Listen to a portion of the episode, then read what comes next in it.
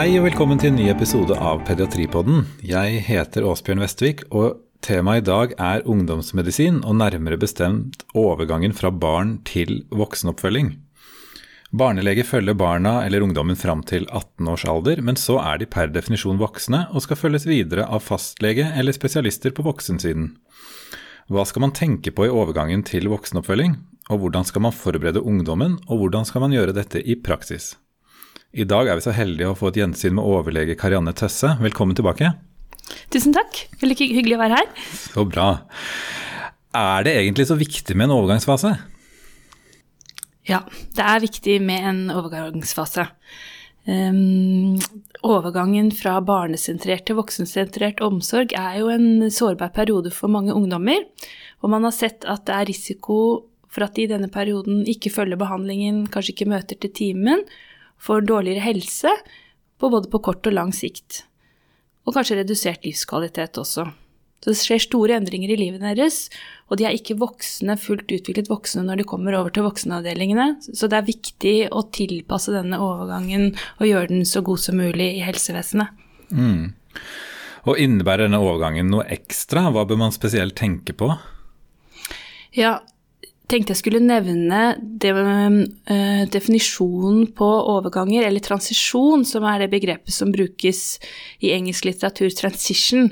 Og det er en målrettet og planlagt overføringsprosess for ungdom og unge voksne med langvarige helseutfordringer fra barnesentrert til voksensentrert omsorg i helsevesenet.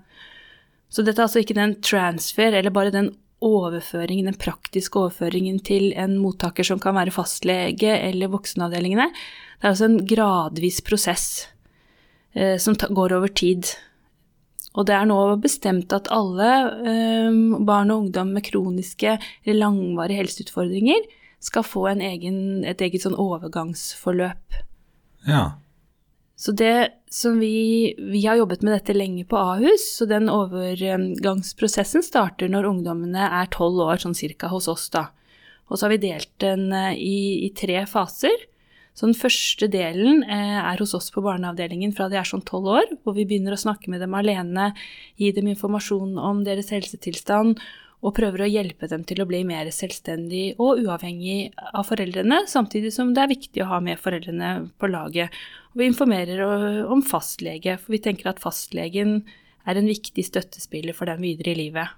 Og så er det fra 17 til 18 års alder, så er neste fase, og det er selve den overføringen til mottaker, som ofte er voksenavdelinger i spesialisthelsetjenesten. Og der er det både den praktiske overføringen, hvor vi skriver notater, eh, vi har fellesmøter eh, eller felleskonsultasjoner med voksenlegene, hvor vi gir informasjon om pasientene og diagnose. Og så er det den fasen som etterpå som er sånn 18 24 års alder, som er mottaker, som er hos fastlege eller eh, hos voksenavdelingene, hvor de skal tilpasse seg til den ungdommen, den unge voksne da, som kommer over, og ta hensyn til han eller henne. Eh, gi litt mer fleksibilitet, passe på at de kommer til timen, og også tilpasse kommunikasjonen til en ung voksen. Mm. Så det er veldig mange år dette går over, da, hvis dere starter hele seks ja. år før de faktisk eh, er blitt voksne? Ja, ja, det er en langvarig prosess. Mm. Det er viktig at de ungdommene får informasjonen om overgangen, og at de også kjenner til at de skal overføres. Og mye internasjonale studier viser at det er nyttig å ha en egen plan, da, en overføringsplan, som ungdommene og foreldrene skal kjenne til. Ja. Bør alle sykehus ha en egen Ja, alle bør ha en plan, men fins det ungdomsavdelinger? Ja, nei, i Norge så finnes det ikke egne ungdomsavdelinger. Det finnes eh, i noen i England f.eks., London, UCLH har en ungdomsavdeling. Og i Sverige finnes det også ungdomsavdelinger, men vi har ikke egne ungdomsavdelinger i Norge nå. Mange ungdommer har ønsket seg det, men vi har nok kanskje ikke nok pasienter eh, til å ha en egen ungdomsavdeling, men egne ungdomssenger kan kanskje være noe vi kan få til. Mm. Hva med skriftlige, skriftlige retningslinjer for overgang barn til voksen, finnes det på de forskjellige sykehusene? Det er sånn at nå i et sånn oppdragsdokument eh, til helseforetakene, så har det stått at alle sykehus skal utarbeide skriftlige retningslinjer, men det varierer fra sykehus til sykehus hvor langt man har kommet i dette arbeidet. Vi jobber nå med å lage en veileder for gode overganger som skal ligge på helsebiblioteket sammen med de andre pediatri pediatriveilederne. Så den, den, kan man bruke, og det, den skal være praktisk. Sånn at det er lett å, å, starte dette arbeidet, at ikke alle sitter og gjør ulike ting rundt omkring i Norge. Ja, Det blir veldig bra når den eh, kom, blir lagt ut. Mm. Hva er de største forskjellene egentlig mellom en barne- og uh, ungdomsavdeling kontra en voksenavdeling? Det er jo um, ungdommene selv som har blitt overført, opplever at det er en, en kulturforskjell. De forteller at når de er på barne- og ungdomsavdelingene, så så kjenner de sykepleierne og legene, og, og de legene som følger dem opp, passer også på andre ting enn bare den ene sykdommen de kommer for. Og det er tett samarbeid mellom de ulike superspesialistene på barneavdelingene, så de føler liksom at noen tar vare på, på, hele dem. Og foreldrene er ofte med, og de foreldrene er jo med og kan sove inne på rommet når de er innlagt også. Og de har nok opplevd at når de kommer over til voksenavdelingene, så blir de mer alene. Eh, det er litt begrenset hvor mye foreldrene kan være til stede. De møter kanskje ikke den samme legen eller sykepleieren um, hver gang de kommer til kontroll. Og også beskriver de at særlig de som har flere helseutfordringer og må ha kontakt med flere ulike spesialister, syns det er vanskelig og at disse spesialistene ikke kommuniserer, da, eller de ulike avdelingene ikke snakker sammen, så de må koordinere alt selv, mm. som kan være ganske utfordrende når de er sånn 18 år, da. Men noen steder fungerer det godt, og noen beskriver en overføring som, som veldig fin. Men de voksenavdelingene eh, har nok en tendens til å behandle disse ungdommene eller unge voksne som ferdig utviklet voksne, og ikke tilpasse seg så mye til dem, da. Mm. Og det snakket vi om gang, eh, forrige gang da du var her også, at hjernen er jo ikke ferdig utviklet eh, selv om eh, de har akkurat blitt 18 år. Nei, Nei, de er ikke helt voksne. Nei. Så noen vil jo tenke at vi egentlig på, skulle hatt en egen barneavdeling som gikk opp til sånn 24-25 år, da. Nei, egen, egen ungdomsavdeling mm. som kunne hatt ungdom opp til, til en høyere alder. At ja. det hadde kanskje vært det beste. Også på Ahus så har dere også et sånt uh, ungdomsråd. Vil du fortelle litt om hvordan ja. Eh, det fungerer? Ja, vi har jo et eget ungdomsråd som, uh, på Ahus som fungerer veldig godt. Som er sammensatt av ungdommer med ulike Eh, langvarige helseutfordringer, både fra psykiatri og somatikk. De er et rådgivende organ for sykehuset i ulike saker, så de har vært med på å utvikle ting på barneavdelingen, men deltar også på, på møter i, i, sykehuset og får være med i ulike prosesser. Så har de også tett kontakt med oss klinikere på barne- og ungdomsklinikken og gir oss råd til spesielt kanskje kommunikasjon, da, hvordan legge til rette på avdelingen for ungdom. Så vi har prøvd å tilpasse, og vi har eh, et eget ungdomsrom som de har vært med å innrede. Og så har vi også hatt kveldspoliklinikk som skal bare være for ungdom. Og de har laget egne brosjyrer til, til ungdom som er innlagt på sykehus. Og vi har jobbet mye spesielt med overgangene, og der har ungdomsrådet vært sentralt i den prosessen, så de har vært med å lage brosjyrer, gi råd, og jobber, er fortsatt med i, i utviklingen av, det, av eh, overgangsforløpene hos oss. Mm. Og eh, du sa at fra tolv års alder, da starter dere prosessen. Eh, mm. Og da noe er jo å snakke med ungdommen, eller barn, ja, ungdommen alene, da. Når, du, mm. når bør man egentlig starte med å snakke med barna på egen hånd? Ja, vi pleier å starte når ungdommene er sånn rundt tolv år. Eh, man kan jo gjerne snakke med barn tidligere enn det også, men det er da vi tenker at det er lurt å begynne. Og vi har gjort det sånn, jeg tror det er lurt å ikke spørre ungdommene foran foreldrene om de vil ha foreldrene med eller ikke, for det kan bli litt vanskelig for ungdommene da å, svare ja eller nei, men vi pleier å si at hos oss så pleier vi å tilby samtale alene med lege i kortere eller lengre tid fra man når man er tolv år. Og vi tilpasser jo til den enkelte ungdom. Hvis han eller hun ikke vil den gangen, kanskje de vil neste gang. Og ofte kan det bare være, være en kort samtale. Så det jeg pleier å si, er at, eh, at vi snakker med ungdom fra de er sånn tolv års alder, og så kommer foreldrene inn på slutten av samtalen, og da kan ungdommene selv fortelle om det som vi har snakket om. Og på den måten får jeg også sett litt om de har har skjønt eh, det vi har snakket om, og hva slags, se hva slags informasjon de gir til foreldrene. Mm. Så ungdommen får lov å styre en del selv hva som blir sagt videre? Ja, de får det. Um, og noen leger jo og sykepleiere har tenkt at det har vært litt vanskelig, og at foreldrene kan føle at de ikke blir tatt med på samme måte som de er vant til. Men, men erfaringen hos oss er at dette går ganske fint, da. At foreldrene også syns det er fint at ungdommene får lov til å snakke alene med helsepersonell. Og når, vi, når de kommer inn snakker om hva som er blitt snakket om, så får de ofte det meste av informasjonen som de ønsker. Men det kan jo være situasjoner hvor ungdommene forteller noe de ikke har lyst til å fortelle etter foreldrene. Um, og da er det viktig å, å, passe på at vi der holder taushetsplikten, og, og, at vi tar hensyn til helserettighetene til ungdommer. Ja, for taushetsplikten den må man jo ha klart for seg med ungdom eh, som pasienter. Kan ikke du eh, mm. oppdatere oss litt, eller eh, ja. gjenta den? Vi har jo, ja, vi har jo taushetsplikt, og ungdommene har jo helserettigheter. Og dette henger jo sammen, så, og det er lurt å informere ungdommer om taushetsplikten. Studier viser at ungdommer som kjenner til taushetsplikten, gir mer informasjon til helsepersonell og stoler mer på at de kan få hjelp. Og så må vi også informere dem om taushetspliktens begrensninger, så de kjenner til det. Og så må vi holde taushetsplikten, at vi viser dem at det, når vi har fortalt om så er det virkelig noe vi, vi holder. Ifølge pasientrettighetsloven så skal barn tidlig bli hørt og få si sin mening, og vi skal også ta hensyn til hvor modent barnet og ungdommen er, og de har jo alle rett til informasjon. Og for barn under 16 år er det foreldrene stort sett som samtykker til behandling, men for ungdom mellom 12 til 16 år så skal det legges stor vekt på det ungdommene mener, og de kan i noen tilfeller få rett til å bestemme. Ved 16 års alder er ungdommene helsemessig myndig. Det betyr at de kan bestemme hvem som skal vite om deres helsetilstand, og de skal også bestemme om de vil ha helsehjelp. Men dette gjelder ikke sånn plastikkirurgiske operasjoner, da.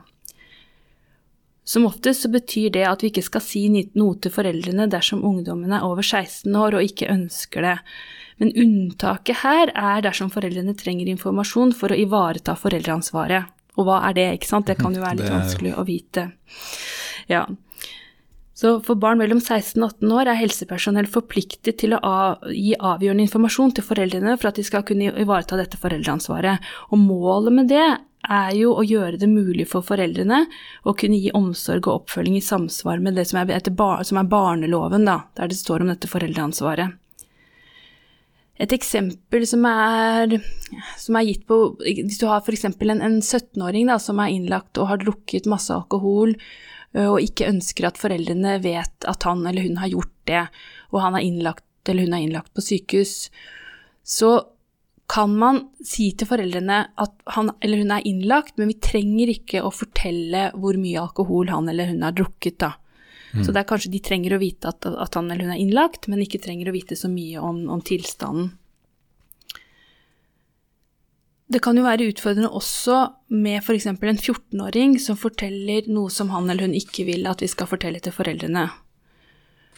Og etter fylte tolv år kan barnet kreve en viss, eller ungdommen da, kreve en viss beskyttelse mot at nærmere angitt informasjon gis til foreldrene. Og Forutsetningen for det er at barnet gir eksplisitt uttrykk for det, sier at de ikke vil at foreldrene skal vite det, og at det skyldes grunner som vi som helsepersonell kan og bør respektere. Helsepersonell kan dessuten bare unnlate å informere foreldrene dersom disse ikke trenger informasjonen for å ivareta foreldreansvaret. Der gjelder det her også. Mm. Og det kan være ulike grunner til at et slikt ønske bør respekteres. Og der er noen eksempler på det vi, der vi ikke trenger å fortelle foreldrene um, om det som ungdommene har snakket med oss om. Det kan være når vi har gitt rådgivning, rådgivning om seksualitet og prevensjon, eller betroelser om problemer i hjemmet, konflikter med foreldrene. Men hvis det da hos disse ungdommene er fare for barnets utvikling eller psykisk helse, da må vi informere foreldre eller noen andre som har foreldreansvaret. Så det er jo ikke så lett å vite helt, så vi må, vi må vurdere i hver, hver enkelt uh, sak, da. Men, uh, men uh, ja, var det et klart svar? Det var et veldig bra svar. sånn ganske klart. ja. ja. Så man bør i hvert fall tenke seg litt om, hvert fall før man sier det videre. Eller man har kanskje tid også til å tenke seg om litt før man Og vurdere om det må sies videre eller ikke. Ja, ikke sant? Men, men, hvis det er veldig alvorlige ting som den 14-åringen forteller, ikke sant? rusproblemer, spiseforstyrrelser, vold, ikke sant? så må det jo fortelles videre. Det som jeg pleier å si til når jeg forteller om taushetsplikten, er at, at, det kan jo være at, um, at du forteller meg noe som gjør at jeg må fortelle det videre.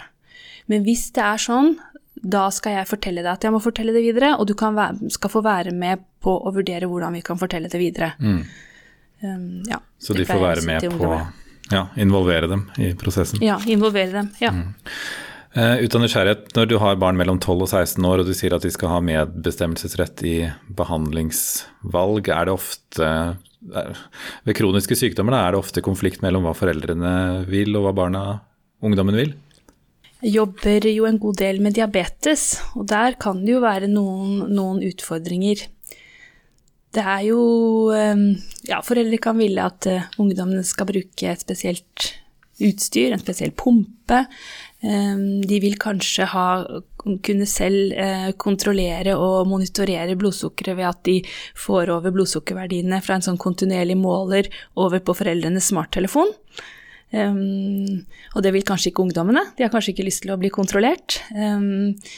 Det, og det kan også være helt sånne dagligdags sånn, Hvor ofte skal de måle, hva er et bra blodsukker, uh, hvor selvstendig skal det være? Der er det jo mange, mange utfordringer, fordi de, det er en behandling som man må monitorere hele tiden, mm. hver dag. Um, så det er det kanskje det, de tingene jeg ser mest. Um, men, jeg, men, det kan jo være mer uh, utfordrende uh, situasjoner uh, med andre tilstander enn de jeg ser, da. Mm.